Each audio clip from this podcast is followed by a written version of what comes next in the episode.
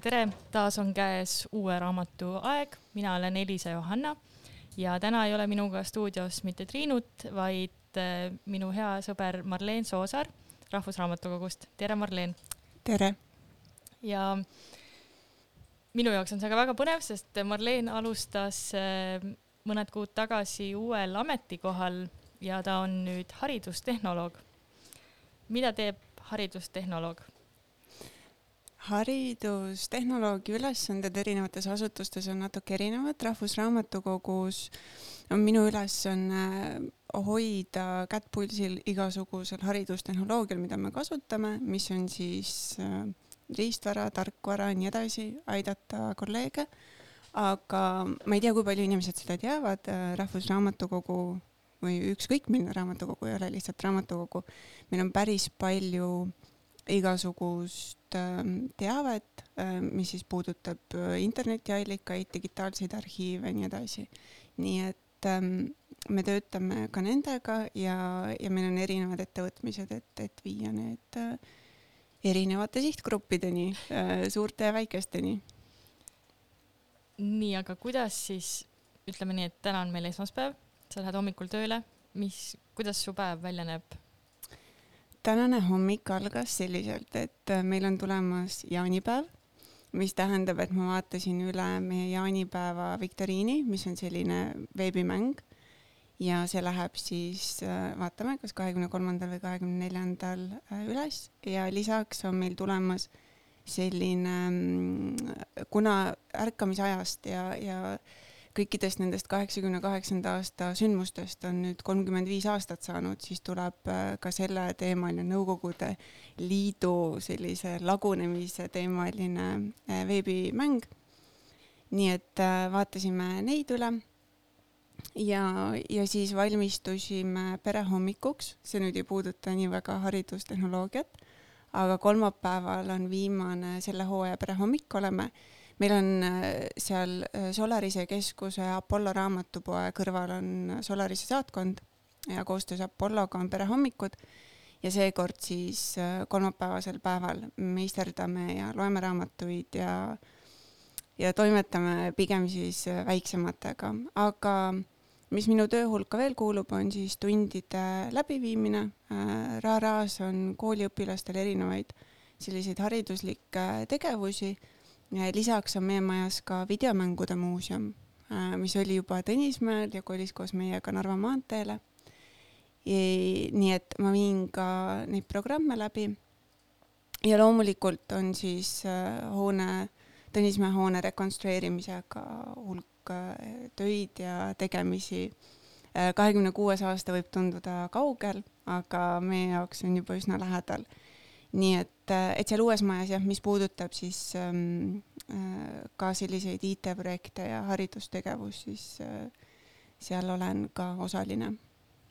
mis on äh, mõni tund, mida sa läbi viid, et ma vaatan Raaralt on näiteks tarkused eri teatmekirjandusest, siis on siin libastudes libauudistele, et mis see, kuida-, kuidas see sinu jaoks välja näeb, et sa kas teil on jagatud need tunnid omavahel või sa peaksid nagu siis kõigis neis orienteeruma või sa koostad neid ja siis, siis viid läbi, et igal inimesel on oma, kuidas see teil on jagatud või välja näeb?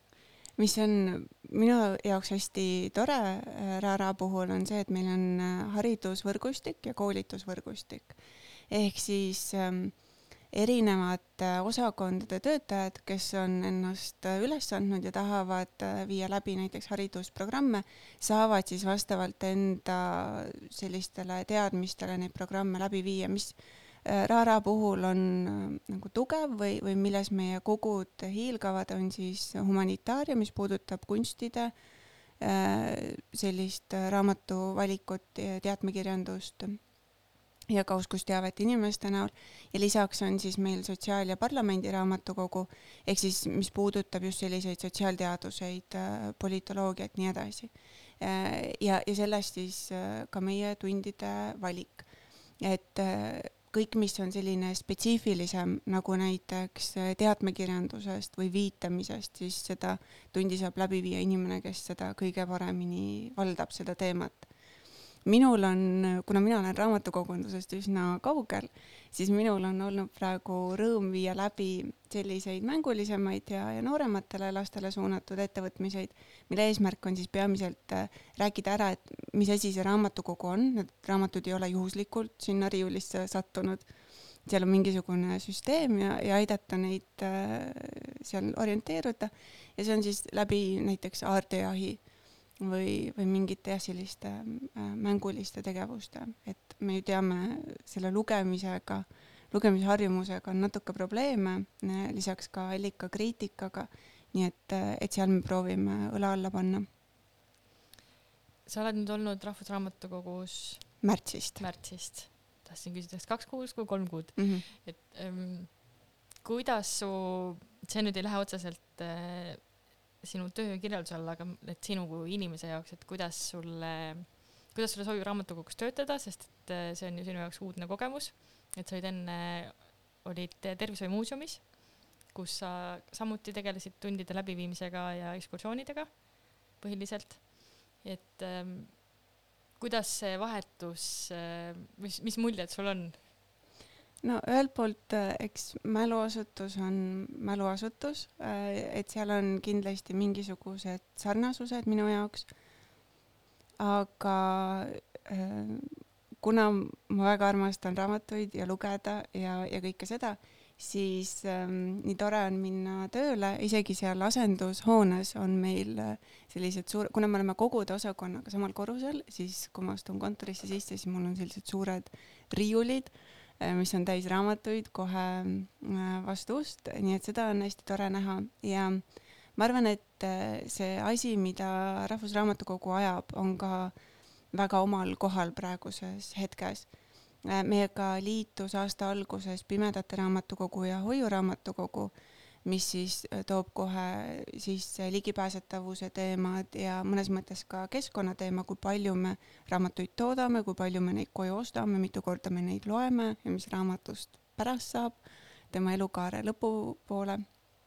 nii et, et need teemad on mulle nagu südamelähedasemad ähm,. ja, ja sellises ähm, nagu missiooni mõttes ähm, minu jaoks on, ma arvan, et äh, väga tähtis ja tänuväärt äh, see tasuta aspekt. noh, see tuleneb ähm, erinevatest asjadest, miks muuseumides on Eestis kõik tasuline. ei ole nii, et, äh, et saad igat muuseumit tasuta külastada. aga raamatukogude puhul need on noh, meil praegu veel ainuke koht, kus saab, kus ei ole neid ähm, nii-öelda in-game purchase asju et sa saad sinna lihtsalt minna, sa võid seal olla kasvõi terve päeva. Äh, ja Tõnismäe hoonet rekonstrueerides peetakse järjest rohkem silmas seda, et oleks ligipääsetav, et oleks kasutajale mugav, et seal ei peaks olema vaikselt, et keegi ei käiks riidlemas ja, ja mida ma Narva maanteel ka näen, on just see, et kuna me oleme Tallinna Ülikoolile üsna lähedal, siis äh, väga erinevas vanuses inimesed äh, viibivad ja kasutavad raamatukogu, nii et äh,, et see on nagu selline, mis hinge paitab. aga mis mind äh, natuke nagu üllatas, on see, kui palju meil toimub, kuivõrd palju tegemist on igapäevaselt. väga soovitan sealt äh, osale sündmustelt äh, vaadata kõiksugu äh, infomüra, seminare, konverentse, koolitusi, nii edasi, eh, mis siis noh, puudutavad noh, need lähevad väga seinast seina, meil on tehisintellektist olnud juttu, on autoriõiguste seminar olnud, mis oli väga sisukas, väga huvitav, eriti kõigile, kes ise tegelevad mingit sorti loomingu loomisega ja panevad selle interneti ülesse ja ei tahaks, et seda keegi varastaks. Ähm, ja kõik on Youtube'is üleval ja kättesaadav, nii et, et see, kui, kui tegus raamatukogu on äh,, on minu meelest äh, tore. mulle tundub, et äh, Ra-Ra puhul on see hakanud viimastel aastatel aina rohkem ka silma, et, äh, et kas on siis sellest ajast väga hea turundustiim või lihtsalt on võetud inimesi, kes ka tegelevad sotsiaalmeediaga näiteks, et Ra-Ra on väga tugevalt pildis ja mis oli minu arust ka väga lahe, et kui ajutisse majja koliti Narva maanteel, siis see maja ju on seal kogu aeg olnud või noh, minu, terve minu eluaja on see maja seal olnud. ja ta on olnud selline tumm fassaad. ja kui Ra-Ra sinna kolis, siis sa said kohe aru, et seal toimub nüüd midagi ja sa oled oodatud ja et see kuidagi see väljapoole avatus on väga hästi esile tulnud ja noh, eks ta on juhtimistasandil olnud äh, väga selge suund, sest et äh, alati ei ole saanud Rahvusraamatukogust raamatuid kaasa laenutada, näiteks koju võtta äh,. ja siis ausõna peale on ju, et pärast tood tagasi. meil ei ole ka näiteks viiviseid äh,, et kui raamat läheb üle tähtaja, siis äh, keegi ei kurjusta, keegi ei võta raha, aga tuleb ikka õigel ajal tagasi viia ja, ja jah, see ka tegelikult hariduskeskus ei ole selles mõttes väga vana, et ta on umbes viis aastat Raara juures olnud. nii et, et läbi erinevate selliste osakondade rohkem pöörata ennast kasutaja poole. Äh, ilmselt aitas kaasa ka see, et meil on uus visuaalne identiteet äh, Raara sellise brändina on välja tulemas ja eks me proovime ka äh, sihtida mõnes mõttes uuemaid sihtgruppe, et mitte ainult seda teadlast, kes tuleb äh, erialast kirjandust otsima, aga ka ähm, inimest, kes äh, tahaks tulla arvutiga tööd tegema päev aega mm. -hmm. ja praegult äh, enne kui me selle juurde jõuame, siis ma lihtsalt tahan kommenteerida seda, et meil on Marleniga kokku leppimata kaasa võetud samad raamatud. et mina soetasin selle ja Marlenil on raamatukogust aga ma tahtsingi seda öelda, et kui meil lugemisklubi on ja me valime järgmist raamatut, siis me tihti ikkagi vaatame seda, et see oleks saadaval. sest meil oli nüüd üks pool aastat tagasi oli Eumeniidid lugemises ja sa pead nagu võtma vastu selle otsuse, et nelikümmend eurot, kas ma ostan selle raamatu või ma ei osta seda raamatut, et see on küll nagu tuhat lehekülge aga et see kättesaadavuse küsimus ja see, mis sa ka ütlesid, et meil on üks kultuuriasutus äh, alles tegelikult üle maailma, mis on tasuta ja kus sa oled alati oodatud, vaatamata sellele, kes sa oled, äh, mis, mida sa igapäevaselt teed või mis sa õhtul plaanid teha, mis iganes. et ma tahtsin ka seda sult küsida, et ähm, ma tean, et me jagame sellist mm, raamatukirge nagunii, aga siis ka seda, et et omada seda raamatut oma kodus, eh, täiendada oma kodust raamatukogu et kui palju või kui, kas see on mõjutanud üldse sind, et sa nüüd töötad raamatukogus, kas, kas sul raamatu ostmine on vähenenud, kas see on jäänud samale tasemele? kui palju sa, kas sa oled mõtestanud seda ümber enda jaoks? me käisime mõni nädal tagasi Hoiu raamatukogus sellise uue töötaja sisseelamiskava noh, nagu ekskursioonil. ja Hoiu raamatukogus seal allkorrusel on ähm, suured konteinerid, kuhu siis lähevad kõik need raamatud, mida mitte keegi enam ei taha. ja see töö käib siis selliselt, et tuleb rebida raamatu küljest kaaned ära, äh, sest et koos kaantega on tegemist olmeprügiga mm. -hmm. ja, ja siis seal keskel olev raamat, äh, seda saab siis taaskasutada, et see on paber. ja ja, ja eks see paneb natuke mõtlema, et äh, mis ma nende raamatutega teen, lisaks ma just sorteerisin oma raamaturiiuleid. Mul on nüüd kastitäis raamatuid, mis ootab äh, kuskile sokutamist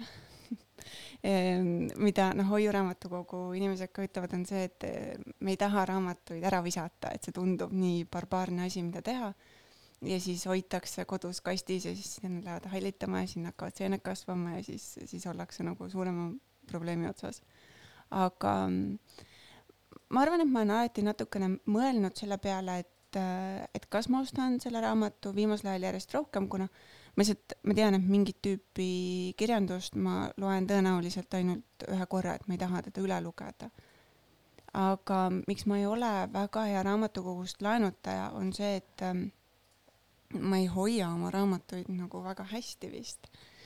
et ähm, mulle meeldib äh, lehekülgi voltida ja mingeid märkmeid teha kuskile servadesse. Ja mõnikord äh, on seal liiva vahel ja mõnikord on kohviplekid seal peal. ja raamatukogu raamatuga ei saa sellisel viisil ümber käia. ja noh, meie restaureerimisosakond äh, kutsub niimoodi poolnaljatamisi neid paberkaantega raamatuid natuke nagu ühekordseteks raamatuteks, sest et kes iganes on rannas näiteks lugenud sellist pehmet raamatut, siis lehed tulevad äh, küljest ära. Äh, sest et li liiv ja see õhutemperatuur teevad selle liimiga seda, mis nad teevad. Äh, nii et eks ta on nagu natuke kahetine suhe, ma arvan, et äh, palju lohutab mind ka see, et meil on kaks vanalinnas päris head kasutatud raamatute poodi. raamatukoi, kus on siis erinevat kirjandust ja Rüütel ja Matilda, kus on ingliskeelset nii ilu kui ka muud kirjandust ja ühesõnaga lühike vastus on see, et, et äh, ma järjest rohkem mõtlen selle peale, sest et äh, kodus on nii palju ruumi, nagu on. Äh, ja see, mis me just lugesime, pani ka mind mõtlema selle peale, et kui palju lehekülgi kodus on ja mis nendest lõpuks saab. Ehm, aga, aga ma ikkagi eelistan Äh, ma arvan, et osta mingeid raamatuid endale päriseks ja, ja siis valida kuidagi nagu targalt äh, neid, mida ma võtan raamatukogust või äh, ma mõtlen siis füüsilisest raamatukogust või digitaalsest raamatukogust. mingi hetk, kui me mm, puändi kinni panime, siis ma tegin endaga sellise, noh, ma ei tea, kas see on kokkulepe, et ma nüüd ostan vähem raamatuid ja ma ka jälgisin seda mõnda aega, aga siis ma jõudsin tagasi ringiga sinna, et kui, kui minusugused ei osta raamatuid, siis kes veel raamatuid ostavad. et selles suhtes on seal, eks seal on selline piir, et sa ei pea kõike omama, aga et siis ma ei tea, näiteks Eesti autori raamat, et ma pean selle ostma, kui ma tahan seda lugeda, sest et see on nagu mingisugune statement ka et me tahame neid raamatuid, me tahame neid lugeda jätkuvalt veel ja veel ja ma tahan seda just ka paberil lugeda. ja see on ju miski, mida ennustati, kui need äh, esimesed e-raamatud tulid, et äh, nüüd sureb paberraamat välja. ja seda ei ole juhtunud, kõik, keda ma tean, kes loevad e-raamatuid, loevad väga hea meelega ka paberraamatuid Eesti kirjanike osas on minu meelest hästi tore see, et neid on ka mõnikord väga raske saada raamatukogudest, sest et kõik need äh, väga mitmed eksemplarid on lihtsalt välja laenutatud ja siis sa mm -hmm. oled järjekorras mõned nädalad ähm,. nii et, et sellepärast on, ma arvan, et tore ka neid äh, osta ja, ja, ja tekitada endale äh,, mul on eraldi, Eesti kirjanikud on nagu eraldi raamaturiiulis äh, ja siis ma näen, kui haletsusväärselt väike see osa on. Nii et, et see on ka nagu miski, mida ma olen mõelnud, et ähm, tekitada nagu selline ajajälg endale, et äh, võib-olla kunagi tagasi vaadata, et mis meie kirjanduse, ilukirjanduse nagu lugu on olnud mm. -hmm. sest äh, kui ma enda koduraamatukogu sorteerin, siis mul on äh, ma enamasti sorteerin sealt välja ingliskeelsed raamatud ja tõlkekirjanduse ja Eesti autorid kuidagi nagu väga raske on seda raamatut ära viia, kui ma just ei vihanud seda südamepõhjast. Et siis see peab midagi täiesti, ma ei tea, mis see peab olema, ma ei ole veel kohanud sellist raamatut. Ehm,. aga mis ehm, ehm, mis sa ütlesid ka, et eh, kasutatud raamatute poed, et siis eh, read on ka veel vanalinnas. Aga ma olen tõesti nõus, et raamatukoi valik eestikeelset kirjandust, Eesti autorid ja ka tõlkekirjandus on täiesti suurepärane, et äh, ma ikka, kui, kui midagi on vähegi, näiteks loengus tuleb üles mingisugune pealkiri, mis mulle väga huvi pakub, siis ma esimese asjana teen raamatukoi lahti, vaatan, kas teil on seda ja siis mõtlen mõnda aega, kas mul on seda päriselt vaja, sest et see iha teada ja teada saada on esialgu nii suur, aga et noh, meil on piiratud aeg et neid asju läbi käia tõesti. Ja siis koduraamatukogude sorteerimise kohta siis ehm, hästi huvitav seik eh, hiljutisest ajast. Eh, biblioteek, kes on siis väike raamatupood eh, Tartus, neil tuli üks hetk postitus üles, et neil on teises ringis siis nagu komisjoni müügis saadaval hulk Tallinna Ülikooli kirjastuse raamatuid. ja kui ma vaatasin seda pilti, no siis tekkis see, see omamise iha väga tugevalt, sest et seal olid pealkirjad, mis on juba ammu välja müüdud ja mida ma olen tahtnud eh, saada, näiteks noh, biosemiotika, kriitilise teooria käsiraamat ja nii edasi. ja siis, eh, kui ma suhtlesin nendega, ma sain need kaks pealkirja lõpuks endale. Eh, aga et, et kust nad tulid, sest neid tõesti ei ole olnud pikalt. siis inimene, kes neist loobus, ütles, et ta on ennast lolliks lugenud ja ta ei taha neid enam oma kodus näha mitte kunagi selles suhtes on äh, selline huvitav hetk mis, või mingi piir, mis on ületatud, et sa oled lugenud nii palju äh, ja võib-olla nagu see, see on see õppimise paradoks, et, et mida rohkem sa õpid, seda vähem sa tead.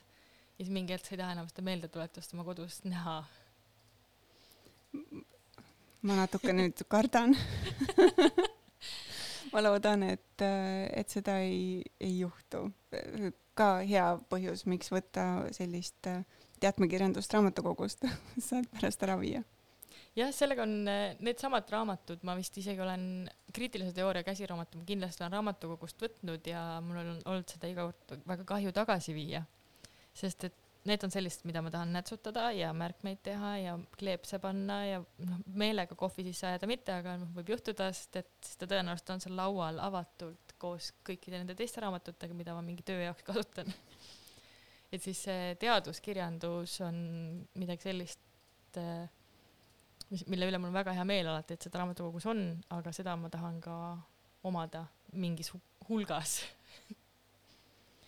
Aga kas ähm, teeme väikse muusikalise pausi. ja siis räägime raamatutest edasi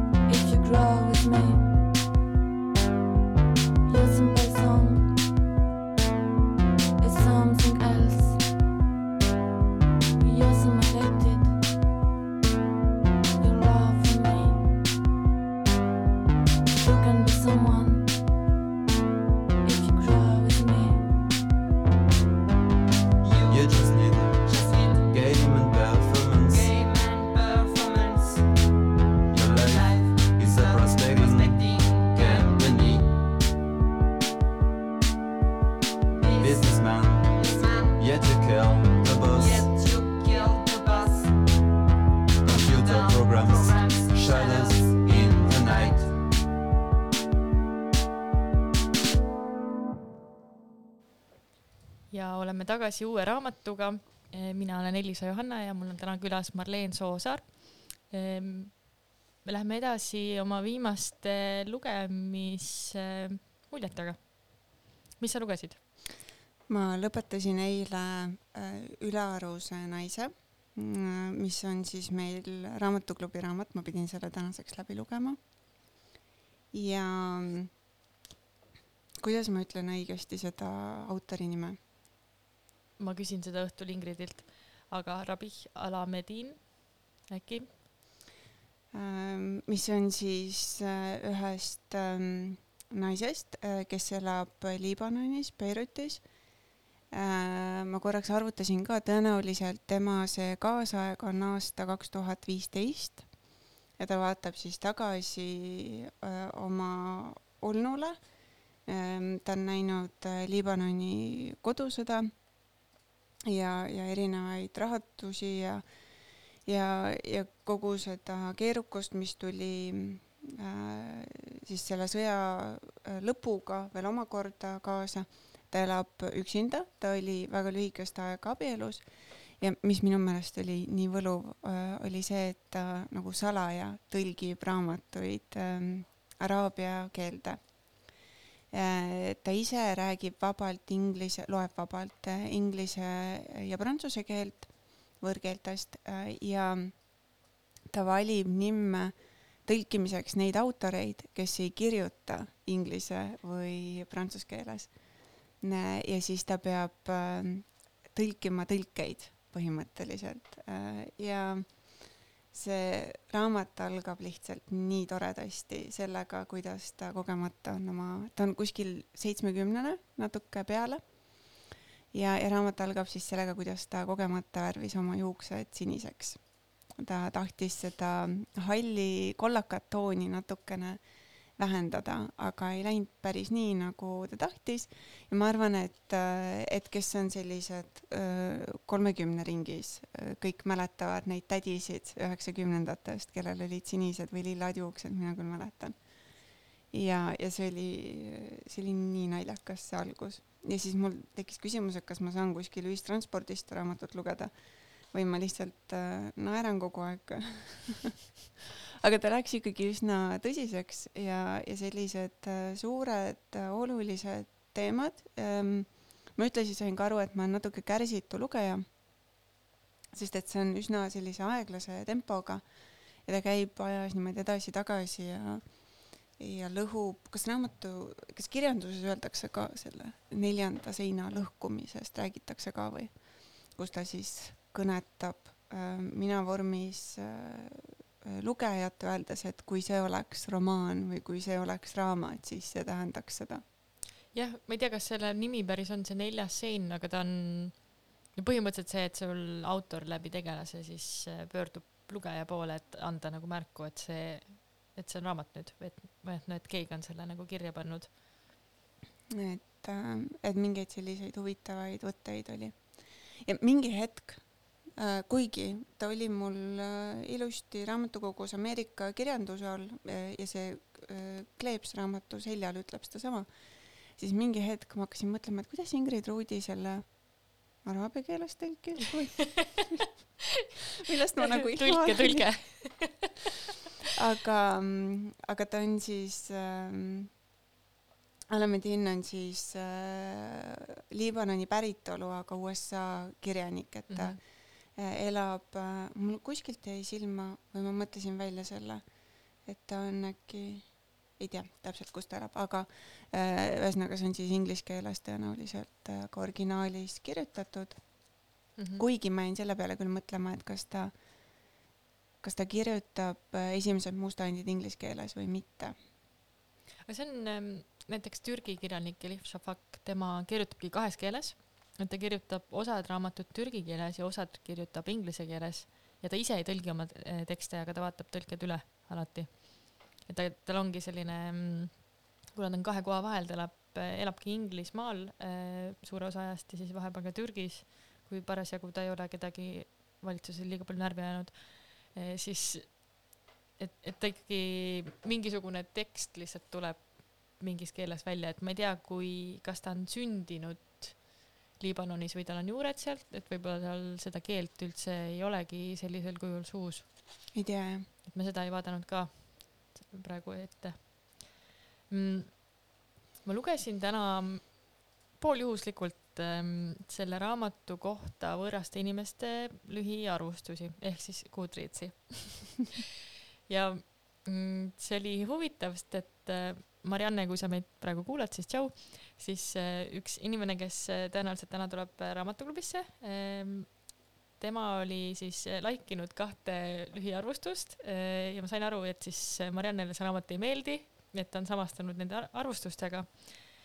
Ähm, kus räägitakse sellest, et see tegelaskuju ei ole USA, et ta ei tekita seda tunnet, et ta võiks eksisteerida, et ta on ähm, mitte ebausaldusväärne, vaid ta on ebausutav. ebausutav, täpselt. ja ma jäin mõtlema selle peale, sellepärast ma ka praegu seda mainin, et ähm, minu jaoks see nii ei olnud ähm,.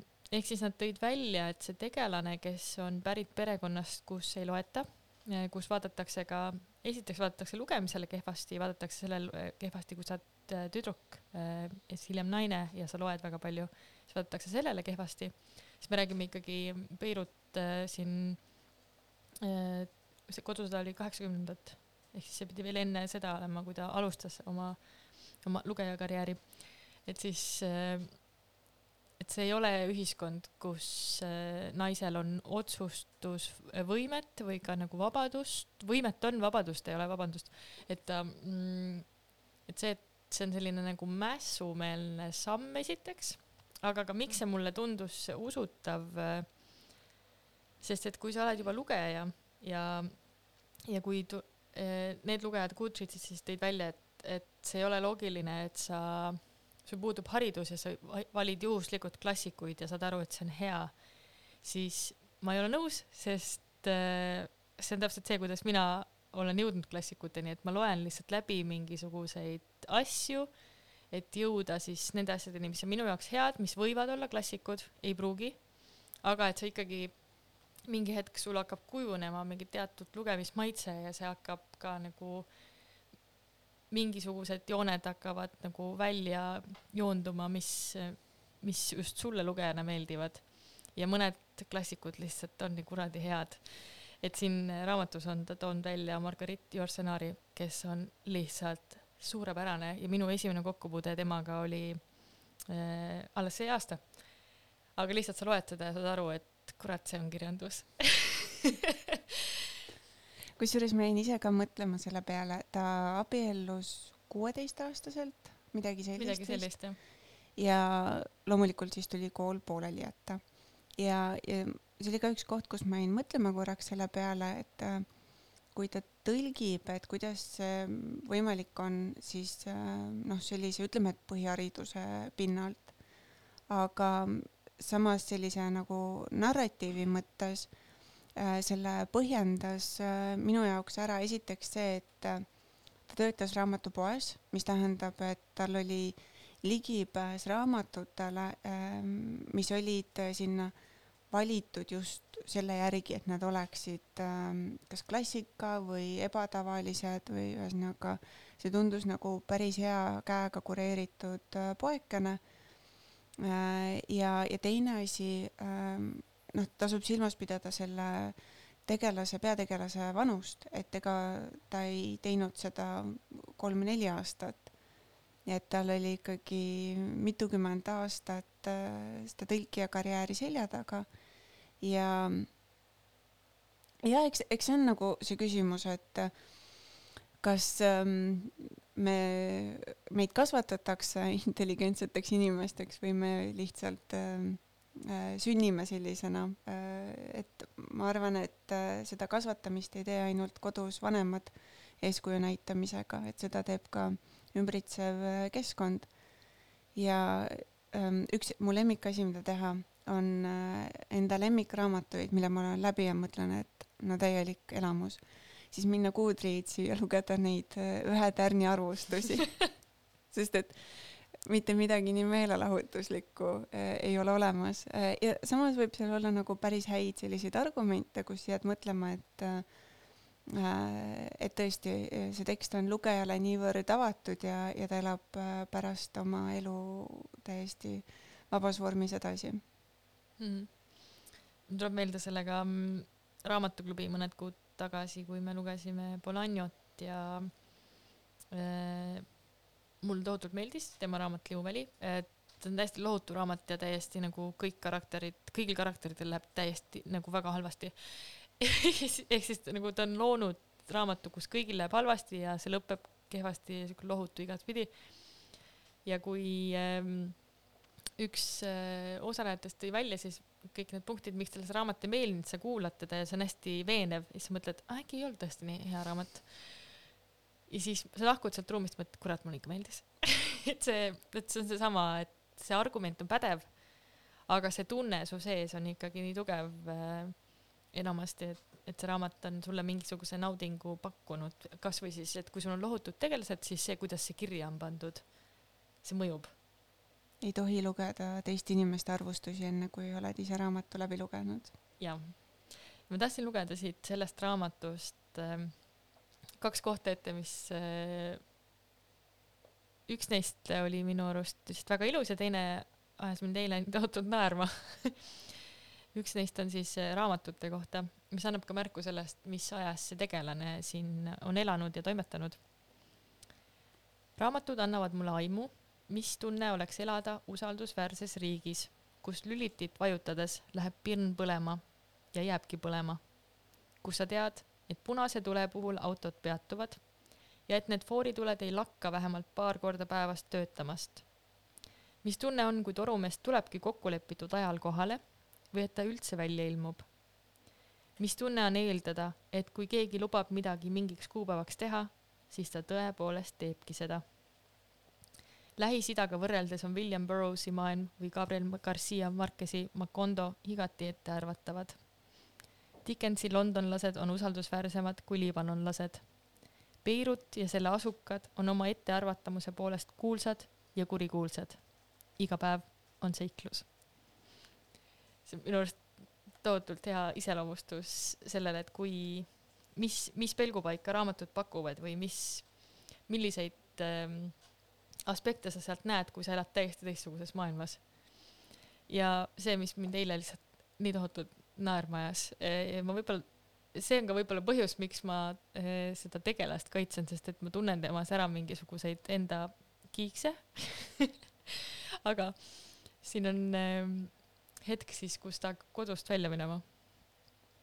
topin kõik vajalikku käekotti sealhulgas kokkupandava vihmavarju ja Rilke Tuino eleegiate viimase prantsuskeelse tõlke. luuleraamatut ei saa ometi kodust väljuda ning torman välja. see oli minu arust lihtsalt nii ilus kirsike, et no sa ei lähe ilma luuleraamatut välja, milline metslane sa oled. Kusjuures selle peale ma jäin ka mõtlema, mul on kombeks võtta raam-, ma ei ole eriline luuletuste lugeja, nii et mul ei ole harjumus võtta just luule, luuleraamatut kaasa. aga mulle meeldib ka võtta raamatut kaasa, sest et kunagi ei tea, millal on vaja natuke aega oodata kuskil. ja see on parem kui telefonis kerida. ja et olla täiesti kindel, siis kaks raamatut, sest äkki esimene ei meeldi sulle. jah, aga ähm, kas selle raamatu kohta, ta on ähm,, mingis osas sa juba rääkisid, et, et kes see tegelane on ja mida ta, millega ta tegeleb, et noh, tõlgib salaja, elab rahulikku elu oma kodus, et see on siuke pensionipõlve ähm, mida öelda heietus, aga ta vaatab tagasi nagu enda elule ja oma praegusele elule samal ajal niimoodi mängib ajaga. aga mis on täiesti tähelepanuväärne selle raamatuga ja siinkohal eh, suur kummardus tõlkijale Ingrid Ruudile, see raamat on raamatutest. ehk siis siin on nii palju kirjanduslikke viiteid, Nad ei ole peidetud enamasti, et nad on üsna otseselt välja toodud, sest et tegu on lugeja inimesega, kelle ajus siis on nagu need või noh, tema mõistus töötab nii, et ta mõtleb tsitaatides suuresti, et mida ta on lugenud, sest et ta enda elu on olnud üsna mm, just isiklikus plaanis võib-olla nagu sündmuste vaesem. selles suhtes, et ta ta on uje, hoiab tagaplaanile, ta hea meelega ei lähe inimeste sekka, et siis ta on elanud läbi nende, nende tegelaste ja samas on nagu riigi ajalugu pakkunud rohkem kui küll. et siis see, see tema, tema maailm ongi see eh, raamatumaailm, kus, kus võib-olla mõni te- tegelane on sulle lähem kui su, kui su naaber päriselt on. ja siis ähm, mis selle kohta veel ähm,, kui siin on nagu mingeid tegelasi, kes minu jaoks olid ebausutavad, siis oli see, see tüüp, kes käis seal raamatupoes abis vahepeal, kellest sai see suur mingisugune kindral või mingisugune enam-vähem nagu kodusõja maffia boss. Ja see oli see koht, kus ma jäin ka mõtlema, et, et mis funktsiooni äh, see tegelane seal täidab. et kui teised äh, tegelased äh, olid nagu toeks selle peategelase ähm, kirjeldamisele või, või avamisele erinevate külgede pealt, siis ma jäin mõtlema, et, et milleks see üks tegelaskuju seal ja, ja mul ei ole ka nagu vastust, et, et ta tundus, teine asi, mis ma jäin mõtlema, et kas ta võib olla selles mõttes ajalooline, et, et näidata lihtsalt seda, kui, kui suuri kannapöördeid võivad ühed inimesed äh, kriisi või sõjaolukordades teha mm. -hmm. seal oli selles suhtes, et läbi selle tegelase sai näidata mingeid aspekte ajaloost, ehk siis ka see, et kui sul on äh, kodusõda, siis kes on need inimesed, kellel on voolav vesi või soe vesi kodus ja et et nad on tõenäoliselt seotud mingit sorti kas kahtlase tegevusega või nad on siis noh, oleneb kummalt poolt vaadata, kui me räägime kodusõjast, siis meil on kaks poolt, nii et kuskil tipus olevad inimesed on siis emma või kumma poole poolt vaadates nagunii kahtlased tegelased. Aga need on tegelased, kes siis ka enda hüvede saavutamiseks äh, äh, no sõna otseses mõttes ka tapavad teisi või siis nagu lähevad üle teiste. aga see poe osa jah, et see, et sul käib mingisugune eh, tüüp istumas ja lugemas ja vahepeal abistab natuke, et seda, noh, seda ma ei tea. võib-olla tõesti, sest et kui sa, kui vaadata neid eh, teisi tegelasi, seal on tema see parim sõbranna Hanna, kes käis eh, vabatahtlikuna tööl, sest et ta pere ei lubanud tal päriselt tööle minna, ehk siis, et raha teenida tööga. et seal võib mingisugune kultuuriline kontekst olla, mis meil puudub. samas naistegelase puhul see oli nii ilusti ära selgitatud, et kuidas mm. -hmm. selline olukord on kujunenud ähm,. kuivõrd siis äh, kodusõjale eelneval perioodil meestegelase puhul mul tekkis nagu palju küsimusi, et kuidas mm -hmm. see võimalik on mm,. just pidades silmas seda, et tegemist ei olnud minu meelest sellise tegelasega, kes oleks olnud väga jõukas ise või, või väga sellisest ähm, heal järjel perekonnast pärit, nii et jah. mm. -hmm. aga sul on äh, üks raamat veel kaasas, jah, mis see on? see on ähm,, see on vampiiridest miks sa naerad? Äh, sest et äh, see vampiiri teema on, on kuidagi nagu hooti kogu aeg äh, nii popkultuurist kui kirjandusest käinud äh, üle ja läbi.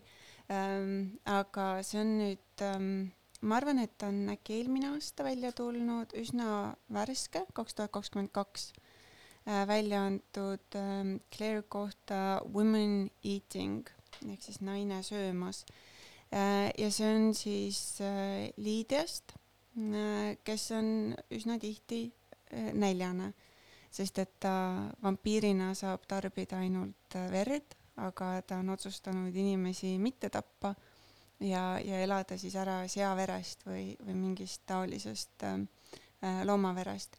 aga mis minu jaoks on nagu hämmastav, ma olen üsna vähe jõudnud seda veel lugeda, on see, kuivõrd ähm, palju on seda olmet seal ümber kirjeldatud. ta siis algab sellega, kuidas ähm, äh, peategelane üürib äh, Londonis endale stuudio, ta on performance kunstnik ja, ja ta on just äh, pidanud hooldekodusse jätma oma ema, kes on samuti vampiir. ja, ja kõik siis need olmega seotud äh, küsimused, et kuidas ema ära toita, kuidas talle äh, seda verd viia sinna hooldekodusse, kuidas ise saada äh, söönuks. Nad äh, varem elasid ähm, sellises piirkonnas, kus lihunik ei küsinud ühtegi sõna, lihtsalt andis paar liitrit seaverd ja asi oli klaar. aga nüüd ta leiab, et Londoni kesklinnas see on väga palju veidram, sest et inimesed vaatavad teda kahtlustavalt ja verd ei ole väga hästi nagu ka saada. ja, ja lisaks siis, millised need aistingud on ja, ja, ja reflektsioon äh, selle üle, mida tähendab elada igavesti, kui sa ei saa ära surra ja miks see halb on. selles mõttes ta natuke võib-olla meenutab mulle ähm, intervjuud vampiiriga, aga siis äh, tänapäevas ja, ja see tegelane ise on noor, et ta ei ole sajandeid vana. aga jah, ma arvan, et ma soovitan seda veel natuke lugeda. aga mis see tähendab, et kui sul on tegelane või noh, see ema siis, kes elab igavesti, aga ta on hooldekodus.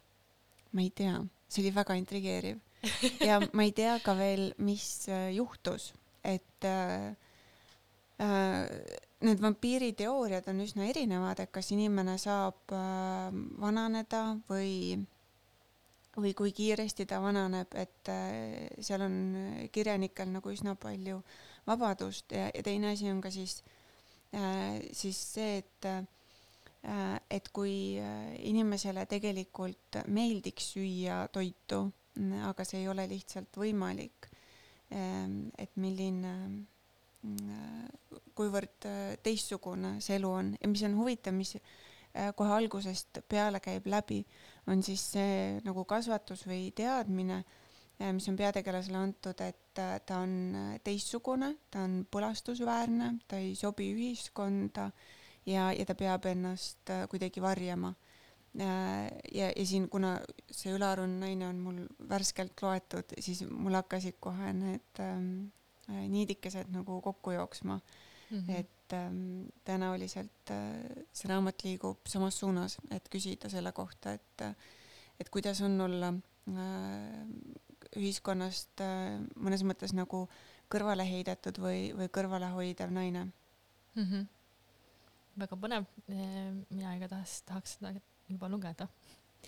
aga meie saade hakkab lõpupoole jõudma, ma tahtsin mingit muud sõna kasutada, aga tüürima ja tahtsin veel ühe kaubandusliku teadaande teha, mis ei ole üldse kaubanduslik tegelikult, aga mm, homme õhtul, kui te kuulate meid otse ja kui mitte, siis kolmeteistkümnendal juunil kell kuus eh, toimub eh, Prantsuse lugemisklubi.